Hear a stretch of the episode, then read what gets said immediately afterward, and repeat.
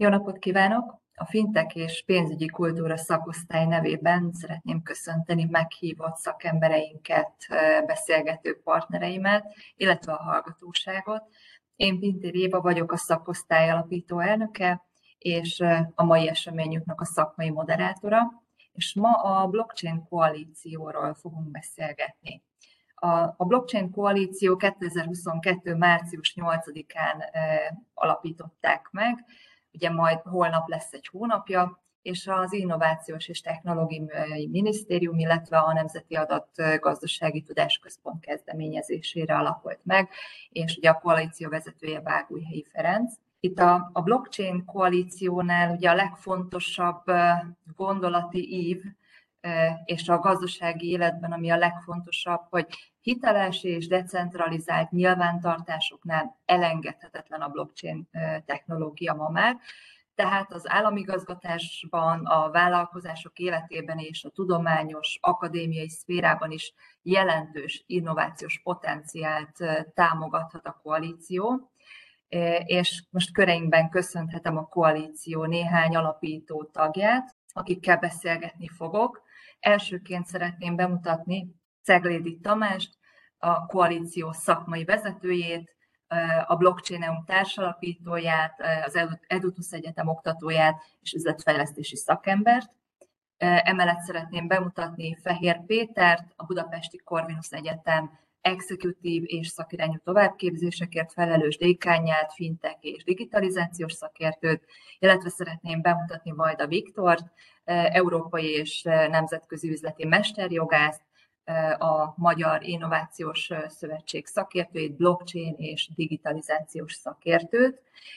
Tehát mind a három beszélgető partnerem a blockchain koalíció alapítójaként is megjelenik, és hát ugyancsak képviselik ugye az államigazgatási kormányzati szférában, akadémiai és tudományos oldalon, illetve szabályozási érintettségben azokat a feladatokat, amelyeket a koalíció jövőben fölvállal.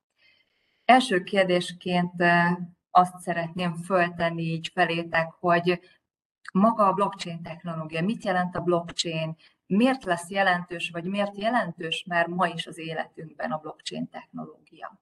Hát akkor, ha megengeditek, akkor kezdem én.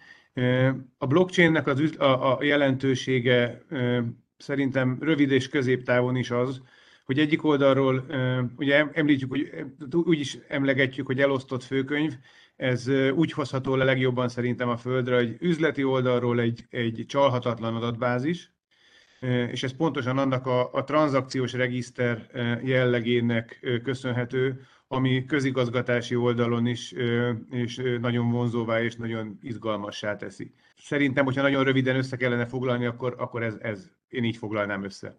Csatlakoznék Tamáshoz, tisztelettel köszöntöm a kedves szakértőtársakat, illetőleg a hallgatóságot is. Csatlakoznék Tamáshoz abban, hogy valóban egy olyan technológiai eszközről beszélünk, amely egy információs adatbázisként ragadható meg a leginkább, amelynek elsődleges sajátossága az az, hogy nincsen egy központi fennhatósága, tehát anélkül került létrehozásra, és van számos olyan attribútuma, amely a megjelenése idején, tehát 2008-2009 magasságában újdonságértékkel bírt, és még a mai napig is szokjuk ezeknek a sajátosságoknak, attribútumoknak az egyidejű jelenlétét. Így azt, hogy egy olyan valós idejű zárt vagy nyilvános elosztott digitális nyilvántartásról beszélünk, amelynek az az értékajánlata, hogy elvileg ez utólag megváltoztathatatlan.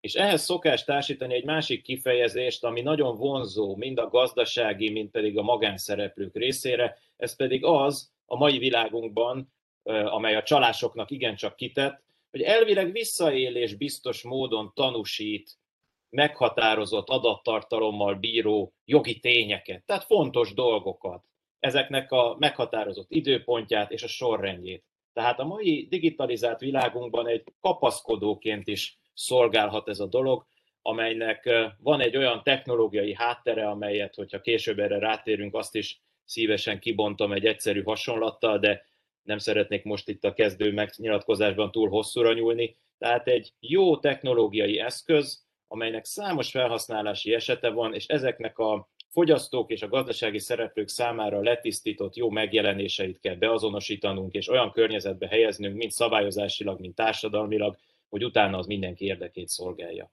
Itt a kollégák már előttem szerintem mindent elmondtak, de azért szeretném egy-két dolgot én is kiemelni ezzel kapcsolatban, hogy ha nagyon lecsupaszítom, akkor ez egy adatbázis szervezési forma. Ez a szakértőkön kívül ég a világon senkit nem érdekel, hogy mi hogyan szervezünk adatbázisokat. Az érdekelhet egyébként mindenkit, hogy ennek milyen hatása van, és ahogy itt elhangzott, van egy pár nagyon fontos tényező, hogy itt, ami ebbe az adatbázisba bekerül, az, az nem olyan, amit utána meg lehet változtatni.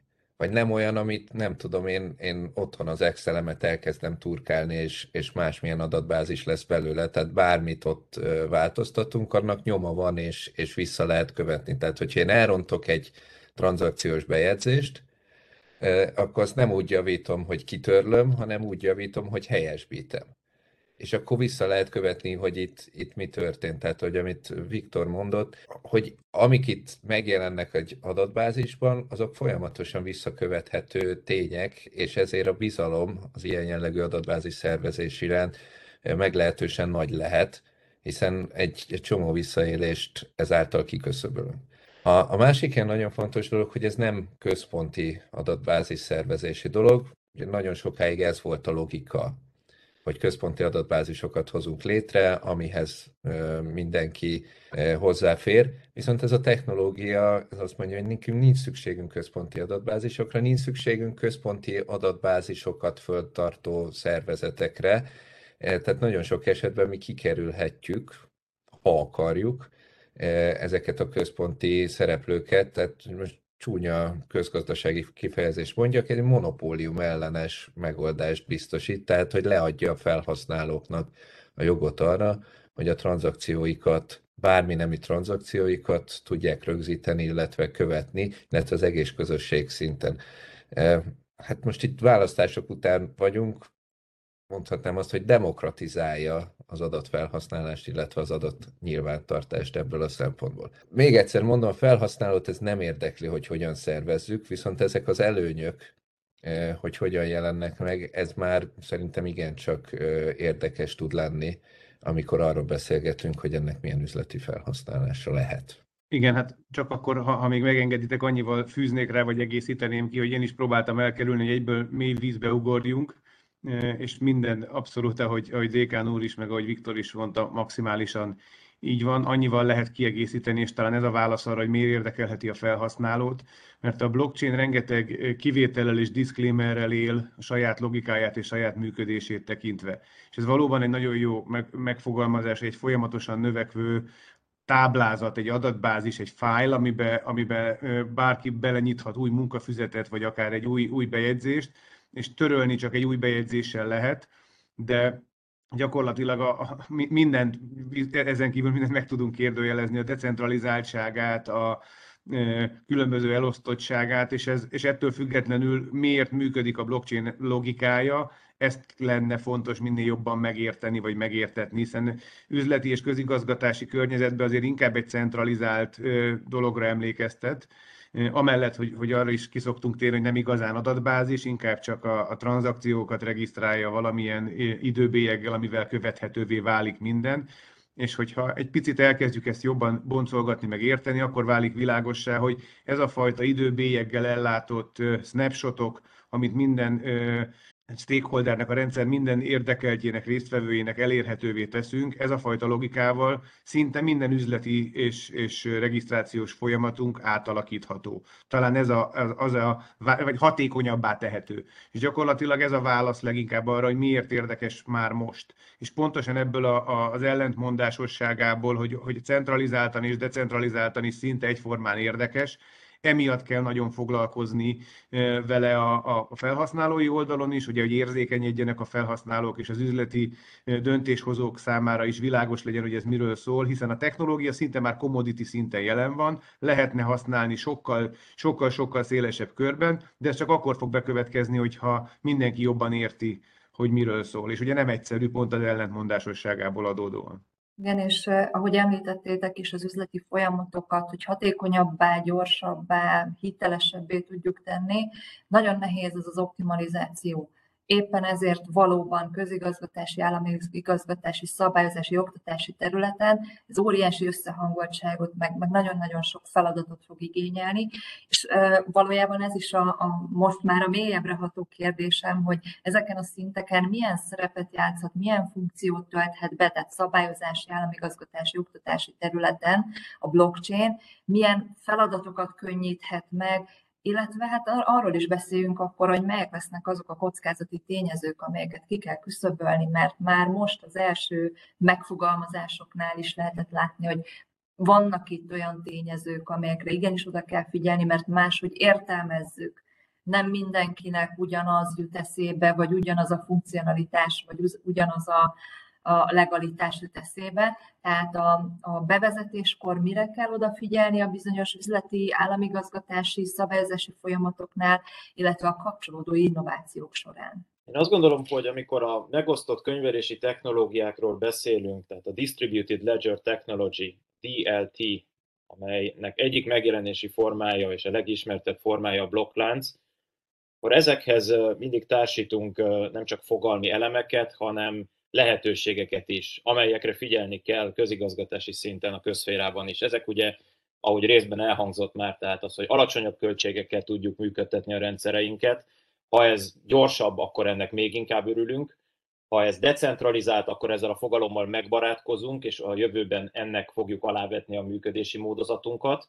Ha ezt a kor igényeinek megfelelően automatizálni tudjuk, szinergiában az eddig már elmondott sajátosságokkal, akkor, akkor szintúgy javulni látszik a megoldásnak a, a, az eredményterméke, és főleg, hogyha ezt nem csak elszigetelten egy-egy felhasználó vagy szolgáltató tudja használni, hanem egy standardizált adatközpontú folyamatra tudunk fókuszálni és ekként működni, akkor tud ez kiteljesedni. Tehát alapvetően megváltoztathatja a, például az eszközök átruházásának és a nyilvántartások vezetésének a módját. Én így tudom összefoglalni azt a lehetőséget, amit meg kell ragadni, és ezek, a, ezek az elmondott dolgok, ezek mind kihatnak a magán és a közszférára is. A kérdés az leginkább az utóbbira vonatkozott. Én azt gondolom, hogy leginkább három szempontból is érintett a közszféra ebben a három dimenzióban a, a blockchain technológia érintése során. Először is szolgáltatások nyújtójaként. Ha közhiteles nyilvántartásokról beszélünk, amelyek jelenleg centralizáltak, ha ez megváltozik, akkor ehhez adaptálódnia kell a, a, a közféra minden szereplőjének, hatóságoknak és a jogalkotónak is egyaránt. A közféra másrészt a felügyeleti szerv is egyúttal.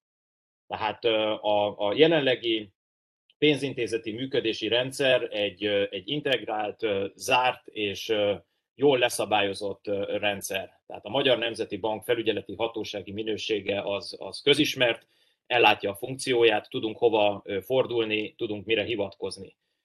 Ez szükséges, hogy minden blokklánc technológián alapuló megoldás esetében is ugyanilyen egyértelműséget kapjon, ne legyenek kérdőjelek. Erre kell figyelni a közférának, amikor megteremti a biztonságérzetet a felhasználók számára. És a harmadik dimenzió, a szolgáltatás nyújtás és a felügyeleti szervi minőségen felül, az pedig a jogalkotás. Ahhoz, hogy a már említett funkciókat be tudják tölteni a hatóságok, ahhoz megfelelő szabályozási környezetet, és ehhez komplementer módon azt megelőzően tesztkörnyezetet, sandboxot is érdemes és kell biztosítani, hogy utána egy olyan körülmény együttes álljon fel, amely jogbiztonságot garantál. Ehhez pedig a kockázatoknak a teljes kérdéskörét még nem lefedve, azt meghagyva talán egy következő körnek, azt tudom kiemelni, hogy sem a Európai Uniónak, sem pedig a magyar jogalkotónak nem magát a megosztott könyvelési technológiát kell szabályoznia, hanem meg kell szüntetni azokat a, azokat a jelenleg még fennálló akadályokat, amelyek a gondolat, gondolkodási rendszerben kiiktatják ezeknek az adaptálhatóságát. Tehát egy innovációbarát szabályozás szükséges, amely célzott, de ugyanakkor megtartja az eddig fennálló struktúráknak a, a szerkezetét, nem borítja fel az egészet csak azért, hogy használjunk blokkláncot. Az egy önmagáért való folyamat lenne, amelynek a támogathatósága ugyancsak megkérdőjelezhető. Tehát a technológiai szakértelmet és a szabályozási kapacitást összhangba kell hozni, és fel kell lépni mindazok ellen, a csalás elleni szemlélettel azokkal a törekvésekkel szemben, amelyek a technológia újdonságát rossz hiszemű és károkozó magatartásokra kívánnak felhasználni. Ha, ha lehet egy kicsit folytatni ezt a gondolatot, ugye én, én nem jogász vagyok, én mindig inkább ilyen üzleti modell oldalról nézem a dolgokat. Ugye nekünk funkciót kell ellátni. Vállalatként, közigazgatásként, egyetemként, tehát bármilyen területben. E, és amit Viktor mond, hogy a, szabályozásnak nem az a célja, hogy technológiákat promotáljunk, hanem inkább az, hogy meg tudjuk azt teremteni, hogy innovatív technológiákat be tudjunk hozni. Tehát, hogy ugyanazt a funkciót gyorsabban, olcsóbban, hatékonyabban, megbízhatóbban, tehát, hogy összességében jobban el tudjuk látni. És ebbe szerintem nagyon fontos, hogy egy ilyen, egy ilyen technológia esetében, ami mondjuk így a buzzword szinten már megvan, ezt, ezt hogyan tudjuk átvinni gyakorlatra. És ebbe azért rengeteg kísérletezés benne van, és nyilván vannak erősebb szereplők, akiknek ez jobban belefér, tehát hogy mondjuk a bizonyos közigazgatási területen megindulunk, akkor az egy nagyon alapos irányt tud mutatni, de mondjuk üzleti szinten igenis ki kell próbálni, hogy mi az az üzleti eset, amire működik, és mi az az üzleti eset, amire nem működik. És mindig ott van az a dilemma, hogy egy hagyományosabb nyilvántartáshoz képest ez, ez mit tud pluszba adni. És azt gondolom, hogy az egy, az egy nagyon fontos feladat, és a blockchain koalíciónak is ebbe iszonyatosan nagy szerepe van, hogy a minél sokoldalú felhasználásnak meg tudjuk teremteni a kereteit. Akár jogi, szabályozási oldalról, akár úgy, hogy megoldási területeket mutatunk, és hát bátorítunk mindenkit, hogy, hogy igenis próbálja ki, vagy lássa meg. És ebben nagyon fontos szerepe van annak, hogy, hogy hogyan gondolkodunk róla. Tehát, hogy elszakadni a hagyományos mintáktól ebben a, ebben a tekintetben. Nyilván itt mondjuk egy, egy ö, oktatás, én egy, ugye egy oktatási intézményt képviselek, ugye fő bizniszünk az a oktatunk és kutatunk, de mögött egy hatalmas adminisztrációs feladatkör van. Oktatási tevékenységeknek a nyilvántartása, leckekönyv, diplomák kiállítása, kutatási tevékenységek nyilvántartása, rengeteg dolog van. Eleve, hogy ezen elkezdjünk gondolkodni, hogy lehet-e máshogy csinálni, vagy mi az, amivel most szenvedünk, és ezt lehet esetleg új technológiákkal hozni. De ez egy, ez egy gondolkodásváltás, illetve az is benne van, hogy merünk-e kísérletezni, merünk-e nyitni, és azt mondani, hogy hát jó, jó, van egy ilyen valamilyen nyilvántartásunk, ez működik, én miért váltsak másra? Tehát elhinni azt, hogy ezt lehet még ennél is jobban csinálni, és ennek, ennek meg lesznek a nehézségei, vagy a, meg lesznek az eredményei, és nem véletlen ez a Freudi elszólás, biztos, hogy vannak benne nehézségek, mert hogy ezt meg kell tanulni és a szervezet szempontjából, bármilyen szervezet szempontjából ez egy változást jelentő dolog. Ugye részben ez lehetőség, de részben ez a kockázat is, hogy ezt a lehetőséget hogyan vigyük véghez. De visszatérnék ehhez, hogy kísérletezni kell, különben nem megyünk előre, és nem látjuk azt, hogy mi működik. Valóban, hogyha szerepekről és kockázatokról beszélünk, akkor én arra azt fognám meg azt a fontos mondását Vékán úrnak, hogy egy gondolkodás, egy újfajta gondolkodásmód. A blockchain egy újfajta gondolkodásmódot hozott be a, a közgondolkodásba, gyakorlatilag teljesen új, új logikákat alapozott meg számunkra, és hát mi ugye arról beszélünk, hogy decentralizált, de valójában ugye a blockchain az nem decentralizált, hanem elosztott. És hogyha azt mondjuk, hogy, hogy a centralizáció az alapfok, a decentralizáció a középfokok, az elosztott működés az a felső fok. Tehát az, ami, amivel általában fogalomzavar szokott lenni, az oktatásban is látom, hogy nagyon nehéz mentális modellt képezni hozzá. És gyakorlatilag ez a, ezzel is szembesülünk egy kicsit, hogy, hogy ez a fajta új logika egy, a, a hagyományos működésünkkel nagyon nehezen párosítható össze. És ezt látom még, hogy e, ebbe belép az a, az a fajta különböző szemlélet, egy kicsit ilyen el, Y-ba elágazunk, hogy, hogy a közigazgatás meg az üzleti világ mit lát benne lehetőségeket és kockázatokat, de Lényegében ez a, pontosan ez a, ez a decentralizáltság, elosztottság kérdésköre egy nagyon fontos pont. És itt, itt egyrészt különböző fájdalmakat éreznek a szereplők, és különböző lehetőségeket látnak, de ha blockchain logika oldaláról nézzük, akkor a decentralizáltság, elosztottság mértéke annál nagyobb kell, hogy legyen, minél kevésbé van bizalom a központi szereplőbe. Most, hogyha az állami szereplő oldaláról nézzük, az állami szereplő ugye abszolút megtestesíti a, a bizalmat, a társadalmi szerződésünkbe. Tehát igazából itt sokkal kisebb fokú decentralizációra van szükség, és a, a közigazgatási use alapvetően ezt is látjuk. Ha már szóba került, az Európai Unió ugye, ugye mit tesz ezen a téren, vagy milyen irányelveket követnek. Gyakorlatilag pont a, a, a személyekhez kötődő igazolások kiállítása egy, egy, egy tipikusan Európai Unió által is meghatározott use case. Például a diploma ilyen, és ha az oktatásról beszélünk, az oktatás mint kérdéskört veszük, akkor egyik oldalról az a kérdés, hogy a blockchain mit tud tenni az oktatásért, a másik pedig hogy fog megjelenni az oktatásban. Ugye ebben mind, igazából mind a hárman érdekeltek vagyunk mind a két részében, tehát hogyha ha azt nézzük meg, hogy mit, mit adhat egy, egy blockchain-en regisztrált diploma, az, az kicsit szerintem arra is válasz, hogy hogy kell a, a, az oktatásban kezelni. Tehát az oktatásunk a, az új technológiáknak, az ipari forradalomnak köszönhetően drasztikusan kell, hogy átalakuljon, sokkal gyorsabban kell reagálnunk arra, hogy két-három évente új szakmákat kell tanulni, egy évtizede alatt gyakorlatilag olyan új iparákban leszünk, ami talán még nem is létezik. Tehát sokkal rugalmasabban kell működnünk.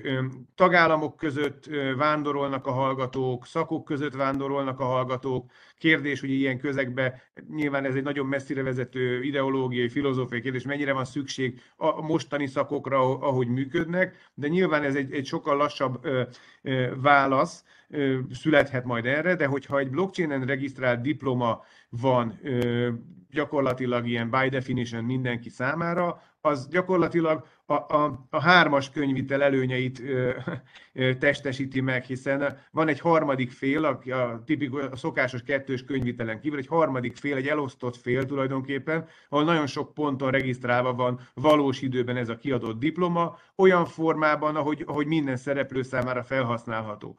Tehát az én korosztályom még emlékszik arra, hogy talán a mostani korosztály Z-generáció számára ez már nem olyan nagy dolog, hogy valami valós időben van regisztrálva, de én még emlékszem arra, hogy a diplomát, amikor be, ó, akkor vigyük be a leckekönyvet, akkor a, a kell a, a nyelvvizsga, de az nem ilyen formában kéne, akkor így, így. Tehát ha e, ezeket mind ki lehet küszöbölni, és ez nyilván tagállamok között most is problémás lehet, hogy Finnországban én át akarok hallgatni valahova, akkor ott milyen diplomát vigyek, milyen nyelven, milyen, mi, mi kell, stb. stb. De hogyha ez, ez a, harmadik fél számára, tehát az adott egyetem számára általam kontrollálva ugye ez a self-sovereign identity elmélet vagy logika alapján általam koordinálva minden adatom azonnal elérhetővé tehetem bárki számára, akit én, akit, akit én gondolom. Gyakorlatilag én azt gondolom, hogy ez egy, ez egy paradigmaváltáshoz vezet ahhoz, hogy micsoda felhasználói élmény, és a másik oldalról pedig, hogy ez, hogy, ez hogy, hogy biztosítja azt a rugalmasságot, ami hát egy, egy, egy, egy jó válasz a jelenkori, hát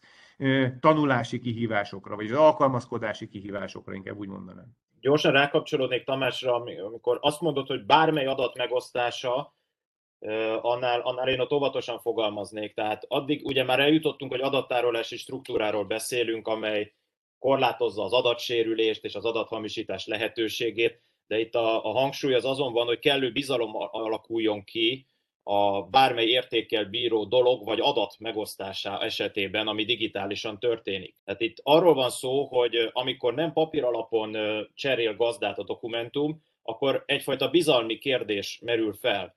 Valós-e az a diploma? Kapok egy PDF fájlt, bárki meg tudja szerkeszteni, rá tud rakni szépen egy logót, tényleg az az egyetem bocsátotta ki? Valóban elvégezte a munkára jelentkező fél azt a felsőoktatási intézményi képzést, amelynek a oklevelét ő magáénak tudja, legalábbis ezt állítja magáról. Tehát a munkáltató oldalán, aki fogadja az adatot, aki olvassa és értelmezi azt, annak a szemüvegén keresztül is érdemes nézni a kérdést. Ma már nem feltétlenül várható el, hogy egy állásinterjúért, ami egy külföldi munkavégzési helyet prognosztizál, ezért én kiutazzak. Ez nem költséghatékony, az interjú le tud zajlani úgy, ahogy a most mi is beszélgetünk, ehhez viszont előzetesen meg kell osztanom azokat a hitelesnek állított dokumentumaimat, amelyek alapján én elvileg alkalmas vagyok arra, hogy betöltsem azt a pozíciót. És amikor látja a munkáltató azt a, azt a diplomát, nem biztos, hogy a bizalmát abba helyezi, aki, aki először lát életében. És ennek a bizalmi kérdésnek vagy válságnak a megoldására szolgálhat egy, egy mindenki által elfogadott nyilvántartási rendszer, ahova feltöltve a diplomát, onnan azt lekérdezheti a munkáltató, és a, és a digitális adatok hitelességébe vetett bizalma alapján már valóban azt tudja mondani, hogy igen, az én jelöltem, akit a pozíció betöltésére éppen meghallgatok, az valóban elvégezte azt az egyetemet, és ezért vélelmezhetem, hogy megvan az a képzettsége, ami szükséges a pozíció betöltéséhez. Tehát megint csak a digitális csalás kiküszöbölése, a hitelesség megteremtése a papírról digitálisra való átállás során úgy, hogy a közvetítőknek a szerepe csökken. Tehát nem egy központi hatóság, hanem egy digitális nyilvántartás az, amely szolgáltatja az információt, ráadásul pontosan azt az információt és annyi információt, amennyit én meg szeretnék osztani magamról.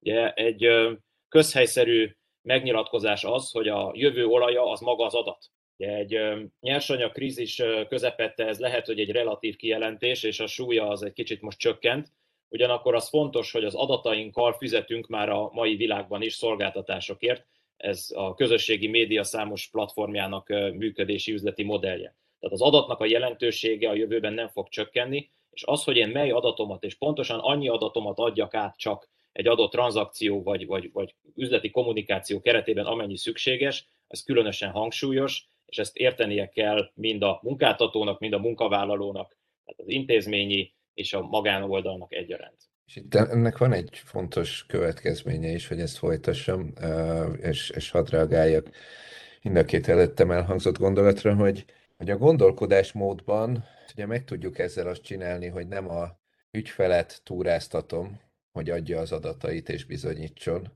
hanem mi állunk át arra, hogy ezeket az adatokat már egy előzetes felhatalmazás alapján le tudjuk kérni. Tehát, hogy én a beiratkozó hallgatótól nem azt mondom neki, hogy na és akkor hozd be a leckekönyvedet, az eddigi igazolásaidat, szerez meg a másik egyetemről a pecsétes transzkriptet, mert hogy ezek ha már valahol nyilván vannak tartva, akkor egészen egyszerűen lekérem, és nagy örömmel köszöntöm egyébként a hallgatót, hogy milyen jó, hogy hozzánk érkezett.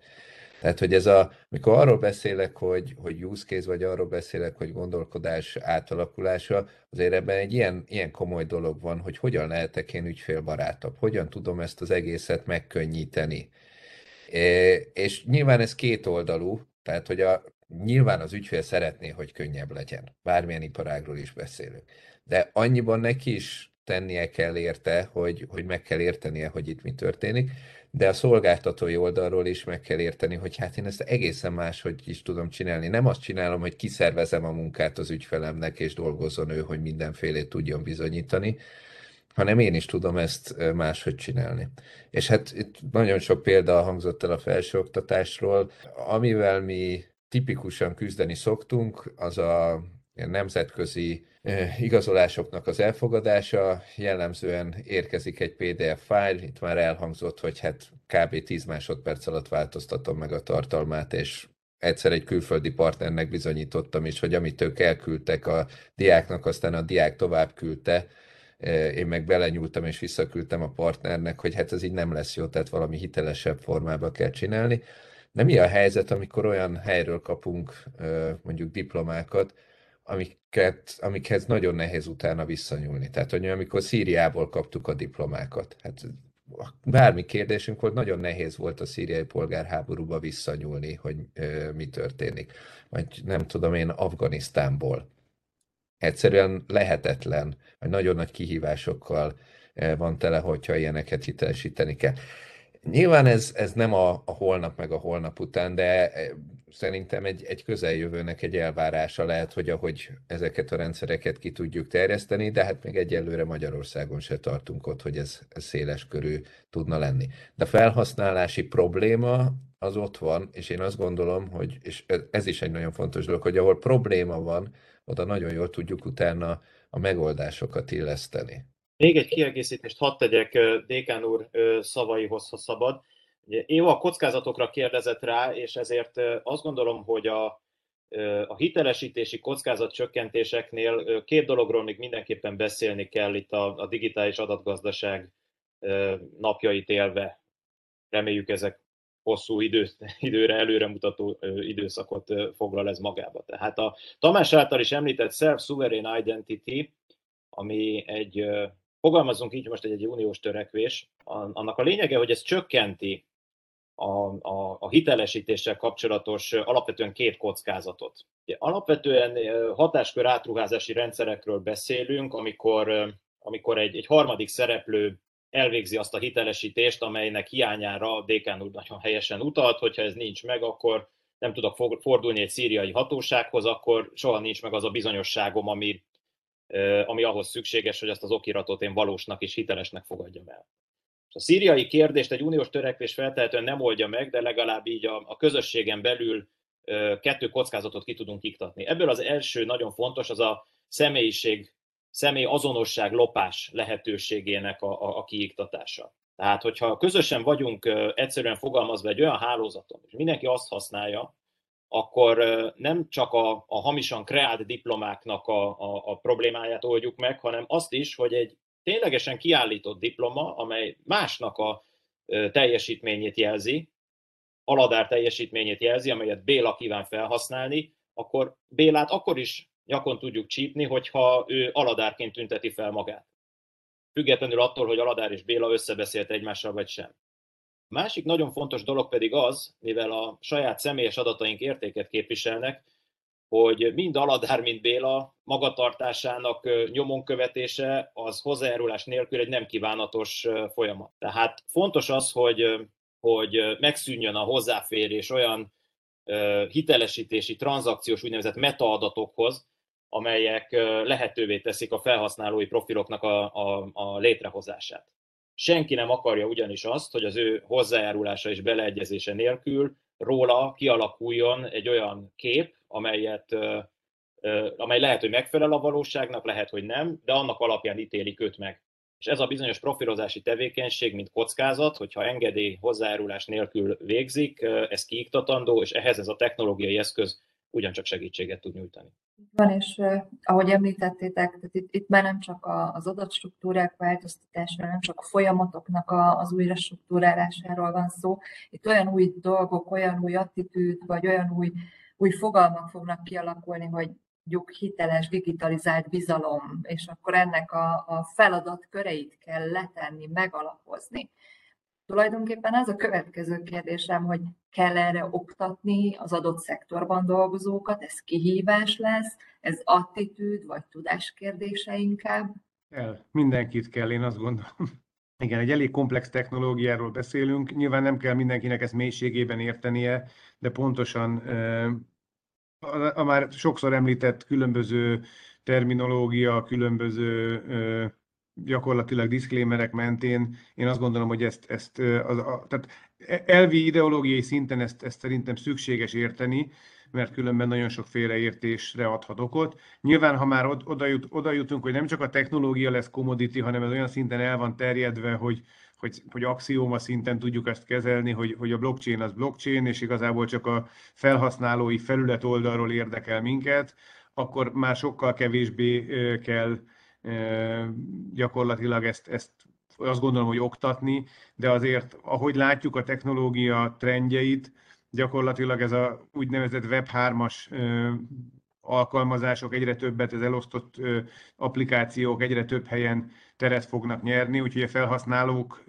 mind adatbiztonság, minden szempontból valószínűleg sokkal tudatosabbá kell, hogy váljanak, és hozzá kell, hogy szokjanak ezekhez a Web3-as felhasználói élményekhez, ami, ahol, ami azt jelenti, hogy nem egy központi szereplő tárolja az adatainkat ilyen-olyan módon, rengeteg kockázatot hordozva, hanem nekünk kell az elosztott adatbázisokban kezelnünk a saját adatainkat, és ezáltal egyébként a bizonyos szempontból nagyon sokat csökken a kockázat, másik oldalról pedig a kockázat sokkal inkább a mi irányunkba jön el, nekünk kell több felelősséget vállalnunk, majd a, a, a jelszavainkat, meg a különböző kódjainkat meg tudjuk jegyezni.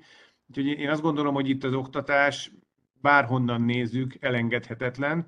Nevezzük ezt, ezt célzott oktatásnak, felső oktatásnak, vagy akár csak egy felhasználói, hogy is mondjam, csak érzékenyítésnek, hogy egy kicsit jobban megértsék az elosztott működés logikáját, a blockchain-es logikákat, vagy, vagy pedig csak ezt a felhasználó élményt, szükség van arra, hogy, hogy, hogy, hogy mi sokkal többet tudjunk oktatni, és a másik oldalon, felhasználói oldalon pedig a szándék ebbe az irányba kialakuljon. És azért mondom, hogy ne csak nagyobb legyen a szándék, ki kell alakulnia, hiszen felhasználói oldalon elég kevesen találkoznak jelen pillanatban blockchain-es alkalmazásokkal. Hiszen aki, aki most blockchainről beszél, és, és, és első kézből tud találkozni vele, az, az gyakorlatilag az első és legnagyobb use találkozik, általában a kriptodevizákkal ami olyan szempontból egy jó iskola, hogy aki azt megtanulja, annak, annak a, központosítottabb blokkláncok már sokkal könnyebben fognak menni, de ettől függetlenül az tény, hogy ennél sokkal szélesebb körű alkalmazásokkal lenne szükségszerű minél előbb találkozni,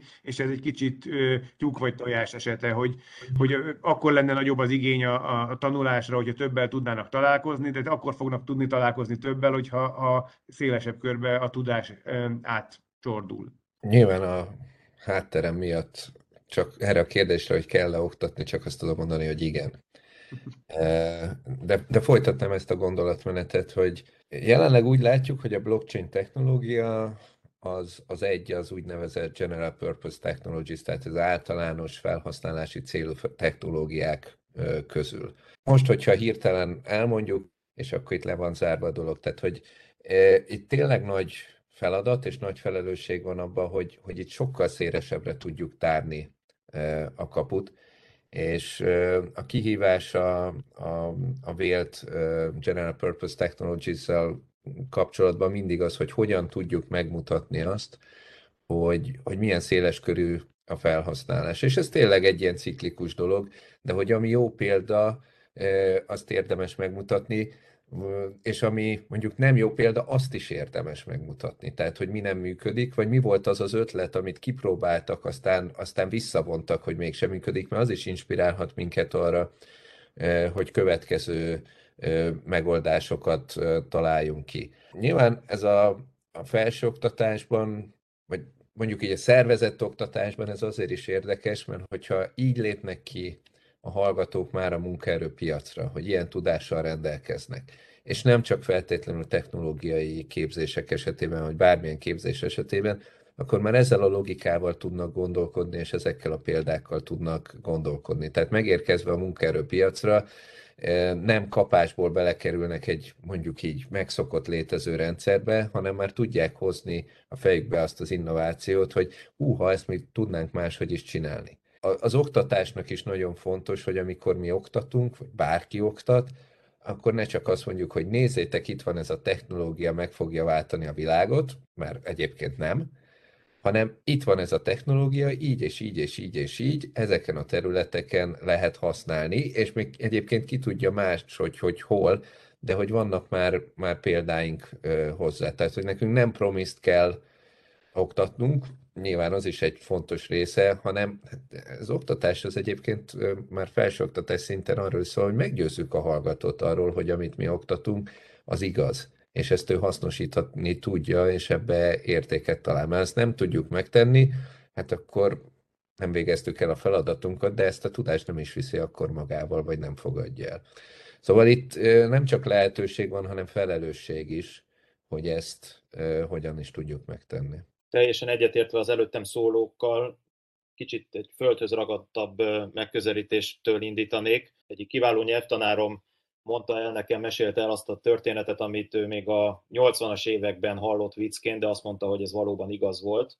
Amikor az angol nyelv ismerete felértékelődött, ő úgy fogalmazott, hogy olyan hirdetések jelentek meg az újságban, hogy angol órákat adok, veszek. Tehát ez most jelenleg egy olyan folyamat, amelyben én azt gondolom, hogy mivel a technológia sokkal gyorsabban fejlődik, mint annak a társadalmi adaptálhatósága egyébként elvárható lenne, ezért mindenki, lett legyen szakértő, vagy egy mai naptól a témával foglalkozó felhasználó, mindenki egy folyamba kerül bele, és azzal lépést kell tartani. Így azt gondolom, hogy mindenki, aki a katedráról vagy a hallgatóság oldaláról találkozik a témával, képzés igénybevételével és önképzéssel is hozzá tud járulni ahhoz, hogy egyre inkább feltérképezze azt a területet, amelytől nem szabad félni, hanem meg kell ismerni. És ezt a gondolatot Gregory Mendel dékán úrtól kölcsönzöm, aki egy Philadelphiai Egyetemnek az oktatója. Ő úgy fogalmazott, hogy az ismeret hiánya a technológia szabályozásának legfőbb kihívása, hiszen erre vezethető vissza a technológia társadalmi elutasítottsága, az emberek félelme, a szabályozói bizonytalanság, és ezáltal a befektetői környezet kiszámíthatatlansága. Szerintem ez egy olyan tökéletes mondat, amely akár zárszónak is beillene, de én nem maradnék meg ennyinél, hanem a félelem kiiktatása helyett egy másik aspektust is behoznék. Amikor motorizáció, az urbanizáció egyre több infrastruktúrát hozott el a polgárok életébe, akkor nem mindenki óhajtotta a villamost használni. Féltek tőle, tartottak tőle, más volt, mint a lovaskocsi. Mégsem kellett az állampolgároknak megérteniük a villamos működését annak mérnöki szintjén ahhoz, hogy segítse őket a munkahelyükre történő eljutásba, vagy a gyorsabb helyváltoztatásban. Ugyanígy fontos, hogy a társadalom adaptálja a blokklánc technológiát, és még nagyon sok technológiát, csak most éppen a blokkláncról beszélünk, hogy a bizonyos, az a bizonyos félelmi szint az, az redukálódjon, és meg tudja különböztetni a, a felhasználó, hogy mi az, ami jó, és mi az, amire csak ráragasztják a blokkláncnak a matricáját. Viszont az edukációnak pont abban van szerepe, hogy ezt a hatalmas információs asszimetriát, amely rá nehezül az egyszerű felhasználóra, ezt, ezt levegye a válláról, és elmondja, hogy mi az, ahol csak egy buzzword a blockchain, ez ugyanúgy, ezt megéltük egyébként a GDPR compliant matricákkal is, mi az, ahol csak egy, csak egy hívószó, amely fogyasztásra ösztönöz, vagy mely az a terület, ahol viszont valós hozzáadott értéket képvisel. Én azt gondolom, hogy az edukációnak ebben a szempontból egy nagyon fontos és kikerülhetetlen szerepe van. Felsőoktatási szintről elkezdve, de egészen azt gondolom, hogy az fiatalabb generációk számára is kiterjesztendő módon és mértékben. Hadd had reagáljak akkor még erre én is. Egyrészt, Viktor, ezt nem ismertem, ez, ez szerintem nagyon, nekem nagyon tetszik ez az angol órát adok veszek, ezen itt jól mosolyogtam magamba. A félelem lebontásával kapcsolatban viszont lenne annyi kis kritikai észrevételem vagy kiegészítésem, hogy sokszor a félelem azért indokolt. Ugye utólag visszatekintve, akár a ludditákra, akár akik féltek a villamostól, gyakorlatilag azért utólag azt mondjuk, hogy persze-persze milyen kis butuskák voltak, de gyakorlatilag ezek diszruptív technológiák. Tehát itt nagyon, nagyon könnyen a dolognak a rossz oldalára lehet kerülni, és gyakorlatilag minden, minden ipari forradalom, amikor lezajlott, az egy fájdalmas történet volt. Tehát ez egy olyan, olyan, olyan folyamat, amikor a, a, a, a technológiai fejlődés gyakorlatilag az eredők gyakorlatilag összeadódnak a vektorok, szinergikus lesz a, változás, és egy társadalmi, gazdasági, politikai, minden, minden szintre kiterjedő változás lesz, ami mindennapi életünket is megváltoztatja. Ugye én pár szóban említettem, hogy például két-három évente új szakmát kell tanulni, igen ám, csak nem mindenkinek ugyanolyan könnyű egy új szakmát megtanulni, nem mindegy, hogy milyen szakmáról kell milyen irányba váltani, és persze fontos, hogy ne féljenek a, a, az új technológiától az emberek, de ugyanakkor azért annyira ne is nyugodjanak bele abba, hogy itt, itt a, az új technológia megteremti számunkra szép új világot. Ebbe aktívan részt kell venni, és gyakorlatilag meg kell, bizony meg kell tanulni a technológiát, mert amikor már axióma szinten kezelhetővé válik, a 99%-a szerintem azzal sincs tisztában, én sem mondjuk száz százalékig, hogy mondjuk a fölkapcsolom a villanyt, akkor pontosan mi történik. De engem az érdekel csak, hogy, hogy világos lesz. És hogyha, hogyha nem, nem lesz világos, akkor tudom, hogy kinek kell telefonálni, kihez kell segítségért fordulnom, nagyjából be tudom lőni, hogy ez milyen árba lesz, mennyibe fog kerülni, és mennyi ideig tart. Ez már egy nagyon kényelmes helyzet, de amikor előtte nem volt, nem létezett ez a fajta világítás, akkor bizony meg kellett tanulni, hogy mit lehet, és mit kell máshogy csinálni majd a lakásba. És, és ilyen szinten ez azért most is fennáll, ez a diszrupció, ez nem csak ö, szektorális szinten lesz hatással, hanem a mindennapjainkra is bizony lehet hatással, olyan, olyan formában és olyan szinten, amit talán még most egyikünk sem lát. És egyébként hol vannak most a lámpagyújtogatók? Csak hogy itt visszajelezzük, hogy, hogy hát igen, tényleg, tényleg megváltoznak a dolgok, és nem csak egyének, hanem vállalatok vagy iparágak szintjén is minden ilyen disruptív technológia, ez, ez változást jelent. És akkor most egy kicsit megfordítom, az előbb azt mondtam, hogy felelőssége van az oktatásnak abban, hogy ezt hogy hozzuk be. Ugyanakkor nekünk meg ez egy lehetőség is, hiszen mi képezhetjük ki azokat az embereket, akik, akik haladni akarnak a technológiáknak a, a változásával.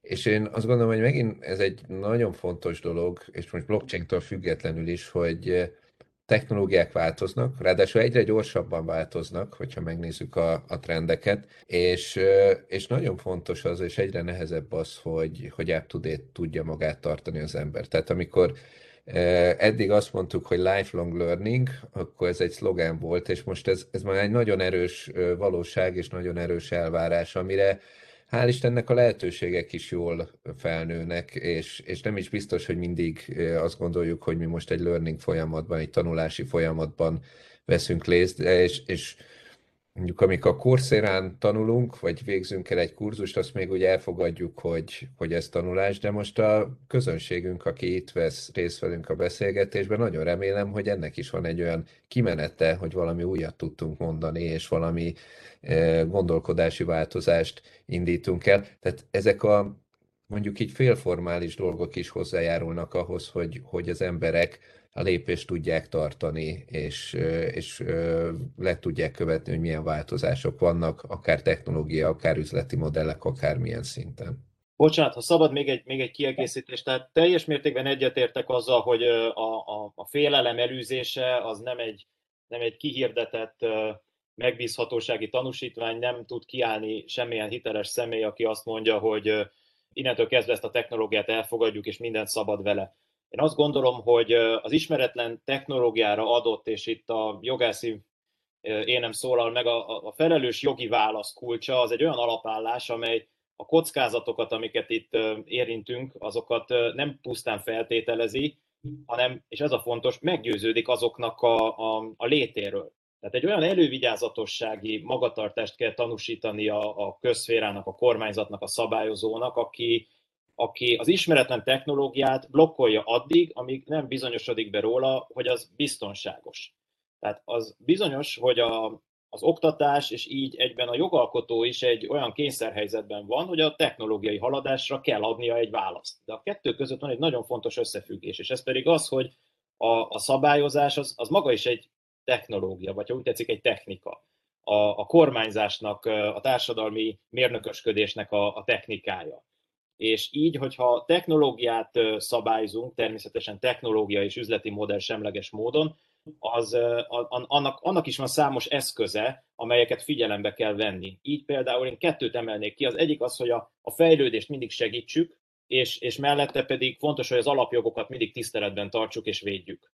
Ehhez több eszközt kell kombinálnia egy jogalkotónak, és ezért is van az, hogy a jogalkotók is tanulnak egymástól, megnézik a párhuzamos szabályozási modelleket, megpróbálják átkölcsönözni, ellesni a szomszédos jogalkotótól, ami ott működött, már hogyha a társadalmi struktúra hasonló. Tehát megnézik a, a jogszabályokat, a mögöttes technikai szabályokat, a vonatkozó magatartási alapelveket és a jó gyakorlatokat.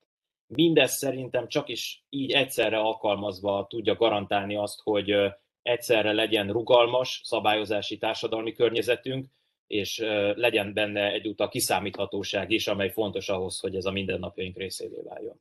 Hát nagyon megástátok a mélységét a következő kérdésnek, ami így még eszembe jutott, hogy milyen gyorsan tud terjedni az innováció, és mi kell ehhez? Ez a blockchain alapú innováció. Szerintem minden innovációnál a sávszélességet azt lényegében a, a, a tudás adja meg, hogy mennyire jut el a, a, a mainstreambe. Tehát minden innovációnál tapasztalható egy elég komoly látencia, ahogy említettétek, ez a, a, a fejlődés gyorsul, és ennek megfelelően ez a látencia csökken. Ha megnézzük, hogy a gőzgép feltalálásától mondjuk az első gőzös gyakorlatilag, amíg végigment Manchester és Liverpool között, eltelt 130, név, 130 év végül is akárhogy nézzük. Itt azért az utóbbi időszakban azért azt látjuk, hogy, hogy szinte már az ipari forradalom is, ugye, hogyha a dotcomos internetes forradalmat egy külön ipari forradalomként tekintjük, akkor gyakorlatilag tíz év alatt lezajlott. Elképesztően felgyorsult minden, ez az exponenciális növekedés, amit szinte minden irányba látunk, ez, ez erre is hatni fog, de az biztos, hogy, hogy azért nem úgy működik az innováció, hogy fogja, és szoktuk mondani, utat tör magának, azért a rendszernek megvan az a fajta ellenállása, hogy ha, ha nincs felhasználó hozzá, ugye mindig a user szám, ami, ami meghatározza a net, mindenfajta hálózatnak az értékét, ha ezek a userek be vannak ráadásul betonozva kisebb hálózatokba, akkor az, az nagyon le fogja tudni lassítani a fejlődést. Én, az, én attól függetlenül azért optimista vagyok, hogy, hogy itt azért pár éven belül biztos, hogy drasztikus ö, változásokat látunk, és én bízom benne, hogy nagyon pozitív irányban. De én, én megint visszakanyarodok oda, nekem is ez egy vesztőparipám, hogy egyszerűen oktatni kell, és, és az oktatás az nem feltétlenül egy felső oktatási intézmény keretébe azok, azoknak az oktatása, akik eleve erre a tudásra szomjaznak, és sokat meg is tesznek érte, hanem ennél egy kicsit, hogy is mondja, csak a passzívabb befogadó felhasználókat is egy kicsit jobban kellene oktatnunk ahhoz, hogy ez az innovátor és, és early adopter szinten át tudjunk törni. Erről két dolog jut eszembe. Egyrészt, hogy de jó, hogy van blockchain koalíció, mert hogy itt az ebben van egy felelősség, hogy ezt, ezt meg tudjuk mutatni. A, a másik, és ez egy kicsit hosszabb gondolat, hogy előbújik a kutatói énem, mindig, amikor egy új technológia elindul, akkor elkezdenek róla sokat beszélni, anélkül, hogy, hogy nagy tapasztalatok lennének rá. Ugye ezt szoktuk mondani, hogy hype van egy technológia. Hát a blockchain az elhagyta a hype-ot. Tehát, hogy ez a vász, hogy mindenki erről beszélt, ez, ez abból a szempontból elmúlott, hogy, hogy mondjuk egy következő fázisba jutottunk, hogy lássuk azt, hogy hogyan lehet ezt használni. És igazából most ebbe a szakaszba dől el, hogy ez a technológia, ez beváltja el hozzáfűzött reményeket, vagy sem. Nyilván blockchain koalícióban azért dolgozunk, hogy beváltsa. E, mert hogyha nem, akkor ez elhal, aztán majd lehet, hogy évtizedek múlva újra előkerül, mint hogy annak idején az elektromos autót is megcsinálták, aztán mégse kellett egészen addig, amíg a Tesla újra föl nem találta, hogy jé, ilyen is van, és e, lehet használni. De hogy itt tényleg nagyon fontos, hogy meglegyen az a, az a felhasználási terület, és meglegyen az a tényleges felhasználás, amiben, amiben működni fog. Tehát, hogy, hogy ez az, ami elbuktathatja, vagy ez az, ami, ami tovább éltetheti a technológiát. Tehát, hogyha a végén oda jutunk, hogy hát itt a bitcoinon kívül nincsen semmi felhasználás, jó felhasználási dolog, akkor ebbe kudarcot vallottunk. Nyilván mi azért ülünk itt, mert azt gondoljuk, hogy ez nem így van, meg meg nagyon sok szervezet, aki belépett akár eddig, akár a jövőben a blockchain koalícióba, vagy szerte a világon, aki ezzel foglalkozik, azt hisszük, hogy, hogy ebbe van lehetőség, de ez azért kőkemény munka, és kudarcok sorozata is, hogy kiderüljön, hogy, hogy ez ténylegesen így van. És lesznek, és vannak olyan blockchain-es kezdeményezések, amik, amik elbuknak. De ez teljesen része annak, hogy, hogy új technológiákat viszünk. Ugye erre szokták mondani azt, hogy ha nem próbáljuk, akkor nem is lesz belőle semmi. És ezért egy nagyon fontos dolog, hogy Magyarországon is van egy olyan szervezetforma, ami ezt a próbálkozást, és remélhetőleg több, messze több, mint próbálkozást tudja támogatni, illetve elősegíteni. Valóban én is ahhoz csatlakozni szeretnék, hogy a megújult keretek között a szakértők és piaci szereplők, oktatók, közférának a képviselői egy asztalhoz tudnak ülni képletesen egy blockchain koalíció keretében ennek a jelentősége és a ehhez társuló motiváció és felhatalmazás, ez, ez egy hiánypótló, és én azt gondolom, hogy lehet élni a kijelentésről, hogy szép reményű kezdeményezés. Bízom abban, hogy lesz egy olyan eredményterméke ennek a koalíciós működésnek, amely választ ad kérdésekre, amelyeket itt feszegetünk. És ebben a tekintetben én a szabályozói megközelítést tudom leginkább gorcső alá venni, és itt annak a jelentőségét húznám alá, hogy amikor technológiával, akár az internettel, mint olyannal szokták mondani, hogy blockchain az értékek internete, találkozik a szabályozó, akkor az időszerűségnek mindig nagyon nagy a jelentősége. És itt van egy dilemma, ami azt arra mutat rá, hogy vagy túl korai szakaszban valósítjuk meg a szabályozást, akkor ez egy korlátozó jellegű, az innovációra visszafogó hatásgyakorló szabályozásként jelenik meg, ez nem kívánatos. Ezt a magyar jogalkotó jól elhárította, tehát egy kiváró szerepkört öltött magára, amelyel a, a korlátozó, ideje korán napvilágot látó szabályozásnak a, a metódusát azt távol tartotta magától, viszont azért a, a lépés időszerűsége az egyúttal annak a kockázatát is hordozza, hogy túl sokáig várunk. Tehát ha megvárjuk azt, hogy egy adott technológia olyan szinten bontakozik ki, amely már szabályozói eszközök nélkül is nagy elfogadottságot kap, ez azért a bitcoin esetében elmondható, akkor a szabályozó elvesztheti a kontrollt e felett. Tehát a szabályozás, a fejlődés iramával sokszor nem tud lépést tartani, és ezért nehéz kiválasztani azt az időpontot, amikor be kell avatkozni. De az biztos, hogy nyomon kell követni a, a technológia fejlődését ahhoz, hogy megfontolt jogi válaszokra tudjunk lelni. Főleg azért, mert tíz évvel ezelőtt leginkább csak arról volt szó, hogy a blockchain az egyenlő a bitcoinnal. Ez is az oktatásnak a szerepére világít rá, hogy az ilyen megnyilatkozásokat, azokat ki kell gyomlálni. Tehát messze menőleg nem erről van szó, ma itt már volt szó a self-sovereign identity-ről is. Amikor azt a megközelítést vesszük alapul, hogy szabályokat kell alkotni, akkor mondom, meg kell vizsgálni a, a szomszédos államokban már megjelent szabályozási nemzeti irányokat, meg kell nézni, hogy az uniós jogalkotó hol tart. Itt szeretnék utalni az ötödik pénzmosás elleni irányelvre, amely a virtuális fizetőeszközöket digitális értékmegjelenítésként és, és csereértékként azonosítja. Ez nagyon fontos, ez egy mérföldkő volt ezeknek a, a virtuális fizetőeszközöknek, token alapú eszközöknek a megítélése tekintetében, és van más olyan szabályozási aktus tervezet is, amely számos ilyen kérdést kezelni fog. Ugyanakkor, hogyha ha ezeknek a, az innovatív tartalmát tekintem, akkor fontos az, hogy beazonosítsuk azokat a kérdéseket, amelyekkel foglalkozni kell, és ezt nem a fogyasztónak, hanem a munkacsoportnak kell majd adresszálnia. Tehát ilyen a, az, hogy egyáltalán mi a jogi megítélés egy elosztott főkönyvnek, hogy jönnek képbe a joghatósági kérdések, hogyha kilépünk a nemzeti határainkon, vagy esetleg az unió határain kívül is, hogy csökkentsük az anonimitást, hogy ne legyen rossz hiszemű felhasználásnak terepe, hogy az okos szerződések, smart kontraktoknak legyen és ha van, akkor milyen körben legyen jogi kikényszeríthetősége. Blockchain-le lehorgonzott okiratoknak valóban legyen közhiteles minősége.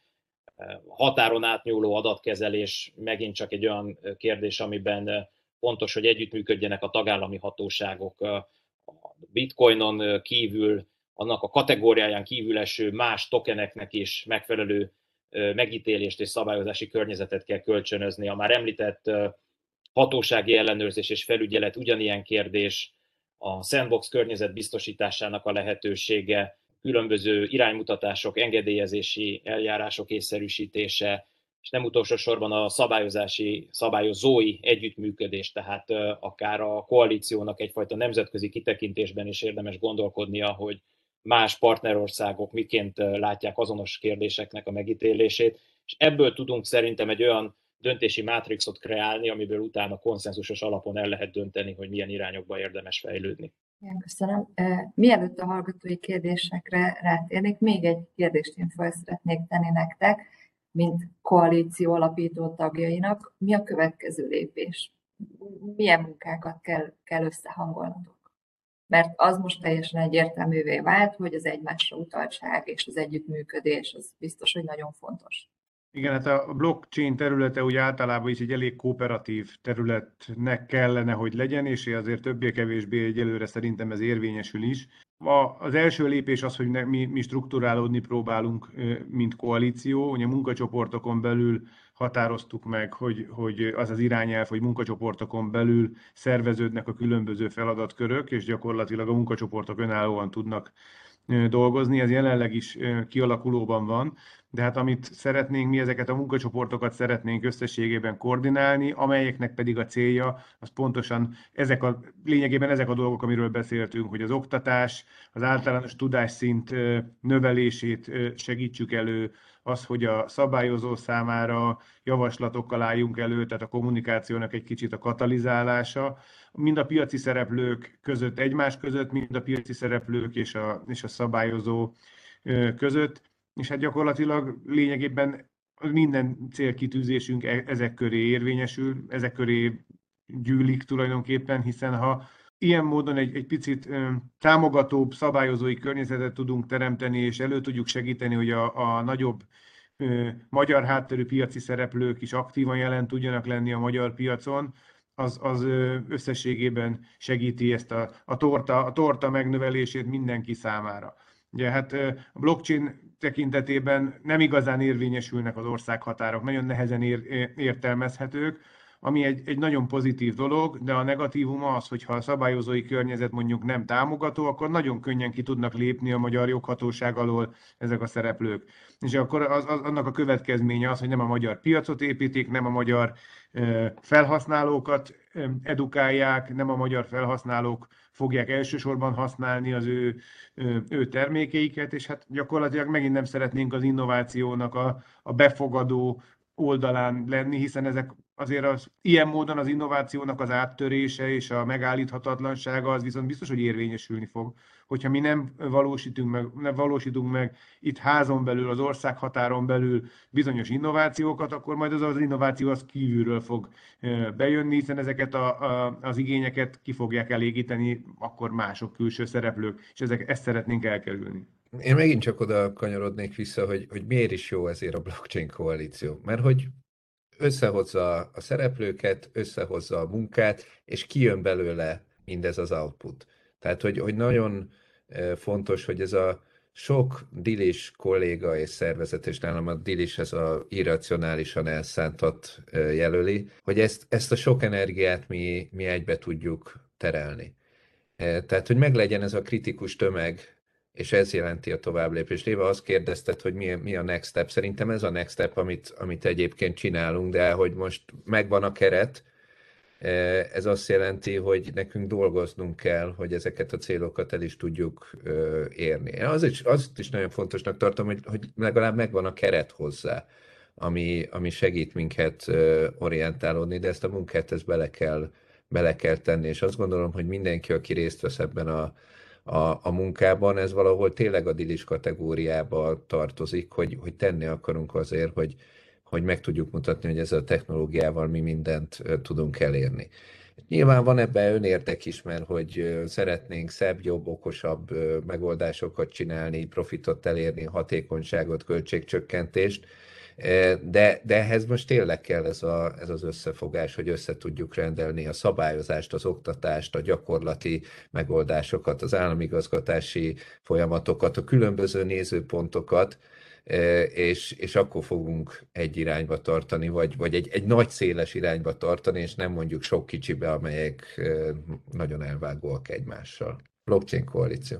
Én is azt gondolom, hogy a blockchain koalíció az maga a következő lépés, mert azt talán ki lehet jelenteni, hogy az ott helyet foglaló személyek egybehangzó nézete szerint maga a technológia az elérte azt a fejlettségi szintet és gyakorlati alkalmazási igényt, hogy annak a részletes elemzése és kiemelve szabályozása az, az, már, az már időszerűnek tekinthető, és én azt gondolom, hogy ez mind a jogbiztonság igényével, mind pedig a gazdaság élénkítésére irányuló kormányzati célkitűzésekkel összhangban áll és ezért fontos, hogy, hogy minél többet gondolkodjunk interdisziplináris szemléletmóddal, tehát értsük meg, hogy mit gondol a közgazdaságtan képviselője, mit gondol a DLT architekt, és mit gondol erről a jogászként gondolkodó. Ha így összedugjuk a fejünket, akkor talán sikerül megfelelő válaszokat találni, mert még egyszer hangsúlyozom, a, a, a blokklánc más technológiákhoz hasonlóan nem szabályozható önmagában, és ezért minden jogalkotási vagy előkészítési tevékenység elsősorban a technológiát érdemben használó tevékenységekre és az érintett személyekre fókuszálhat. Ebből persze fakad az, hogy az új keletű fogalmakat, mint mondjuk egy smart contract, azt, azt meg kell határozni. Ha vannak beazonosított joghézakok, azokat ki kell tölteni. Tehát lehet, hogy célzottabb szabályozásra van szükség, de egy dolog biztos, hogy minden technológiai változás mögött van egy valós társadalmi igény, így a blokklánc technológiát a másodlagos derivatív devizapiaci válság hívta életre, és amikor egyszerűbb, gyorsabb, hatékonyabb vagy eredményesebb megoldásokért kiállt a társadalom, azok mögött emberi szükségletek húzódnak meg. Ezek, ezek a válaszok, amiket a technológia ad, ezek sokszor újak, ismeretlenek, de hogyha ezek hozzá tudnak járulni ahhoz, hogy hogy a lehetőségeinket, eszközeinket hatékonyabban használjuk ki, hogyha, hogy a kereslet és a kínálat hatékonyabban kapcsolódjon össze, akkor azt gondolom, hogy feladatunk és felelősségünk, kötelességünk is, hogy megtaláljuk az ehhez vezető utat, amelyhez a blockchain koalíció kínálja a legjobb lehetőséget. Hát úgy gondolom, hogy a mind a hárman, sőt mind a négyen különböző szakterületi szakértőként minden egyes nap tanítjuk arra a kollégákat, hallgatókat, fiatalokat, idősebb korosztályt is a, a blockchain, meg a digitalizáció adta felelősségre, lehetőségre. De ez a legfontosabb következő lépés valóban, hogy a, a blockchain koalícióban lévő alapítók, illetve mindenki összehangoltan tudjon egy irányba menni, és közben egyébként érkezett is a hallgatóságunk közül kérdés, Szevené Dávid az Enravel-től kérdezte, hogy hogyan lehet csatlakozni a blockchain koalícióhoz. Hát, ahogy említettem, itt még strukturálódás folyamatában vagyunk, tehát erre, erre sincs még kialakított olyan csatornánk, ahol egy e-mail címet vagy egy, vagy egy webcímet tudok megadni, ahol, ahol be lehet jelenteni ezt a csatlakozási szándékot. Alapvetően az ügyrend is kialakulás alatt van, viszont alapítóként még lehetőség van becsatlakozni, amíg ez nem alakul ki. Úgyhogy gyakorlatilag e-mailbe tudunk egy alapító nyilatkozatot, egy tagsági belépési nyilatkozatot küldeni, ez, ez jelen pillanatban a módja. Tehát aki elfogadja azt az alapító nyilatkozatot aláírásával, az gyakorlatilag alapító tagunk tud lenni egyelőre. Köszönöm szépen, Tamás. És akkor most szeretném felhívni a, többi hallgatónak, a jelenlévő szakembereknek is a figyelmét, hogy a kérdés merül föl, illetve van olyan téma, amit, amit még, amiről beszéljünk, akkor szeretném kérni, hogy jelezzék nekem, nekünk.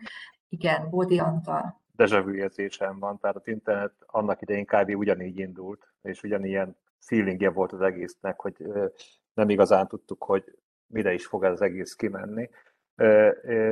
Én a, emlegettétek a elnézést a tegeződésért, de én nem nagyon tudok magázódni. Igazából a, a, én abból a szempontból szerettem volna ehhez hozzászólni, hogy azért nagy, nagyon nagy területek vannak, amelyeknél erre szükség lesz. Elsősorban a közlekedés digitalizációja, vagy hazabeszéljek, másik oldalról pedig az energiaszektornak a elosztott működése, termelés, fogyasztás és így tovább annak a harmóniának a megteremtése szempontjából két olyan nagyon-nagyon nagy terület van, amelyeknek konkrétan szüksége lesz erre a technológiára.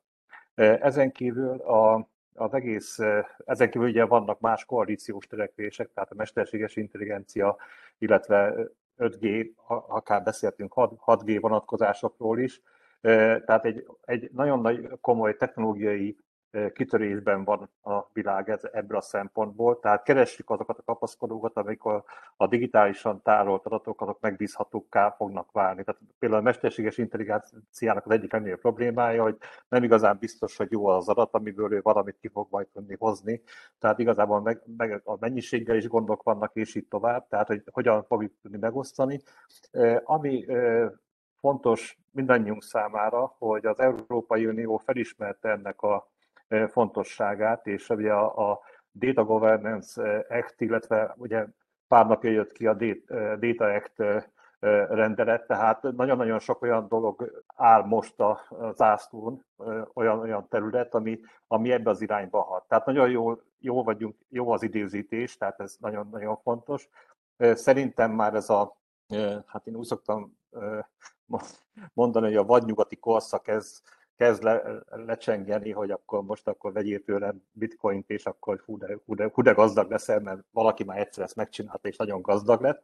Tehát ez a, annak idején az internet is kb. így indult, tehát hogy ilyen össze, összejöttek tizen, és akkor majd ők majd csinálnak maguknak internetet, és akkor azt majd jó drágán eladják a többieknek. Csak azért, hogy érzékeljétek, amikor mi annak idején elkezdtük csinálni, akkor a, a mi 10 forinttal tért adtuk az internet, és akkor a dial 60 ezer forint volt, és plusz telefonköltség. Tehát, tehát, a, tehát a, a tehát a technológiának be kell érnie. Tehát, tehát igazából itt, itt azok az alkalmazások kellnek. Egy dologra szeretnék felhívni a figyelmeteket, hogy azt ne, ne akarjuk azt abba a folyóba még egyszer belépni, mindenkit be, mindenkit be akarunk tanítani programozni, a TV Basic korszakot végig akarjuk élni idézőjelbe, hanem, hanem valóban a, a próbáljunk meg az alkalmazás a hasznosság oldalára menni, és azért örülök nagyon, hogy közgazdászok állnak ennek az egésznek az élére, mert, mert igazából tényleg a, a bot csinált a közgazdászok a lehető legrosszabban tudják előállítani a technológiával, tehát én, én maximálisan örülnék ennek, és hogyha a közlekedés vonatkozásában nem tudom, magánszemélyként lehet csatlakozni a koalícióhoz, vagy pedig szervezetként, ez lenne igazából a kérdésem. Alapvetően szervezetként. Köszönöm szépen nektek is, hogy, hogy beszélgettünk így a blockchain koalícióról, és annak a, a fontos jövőbeni szerepeiről, illetve azokról a funkcionalitásokról, amelyekben majd együtt tudunk működni, és amelyekben újdonságokat, innovációkat tudunk megalapozni sikeresen. Köszönöm szépen még egyszer.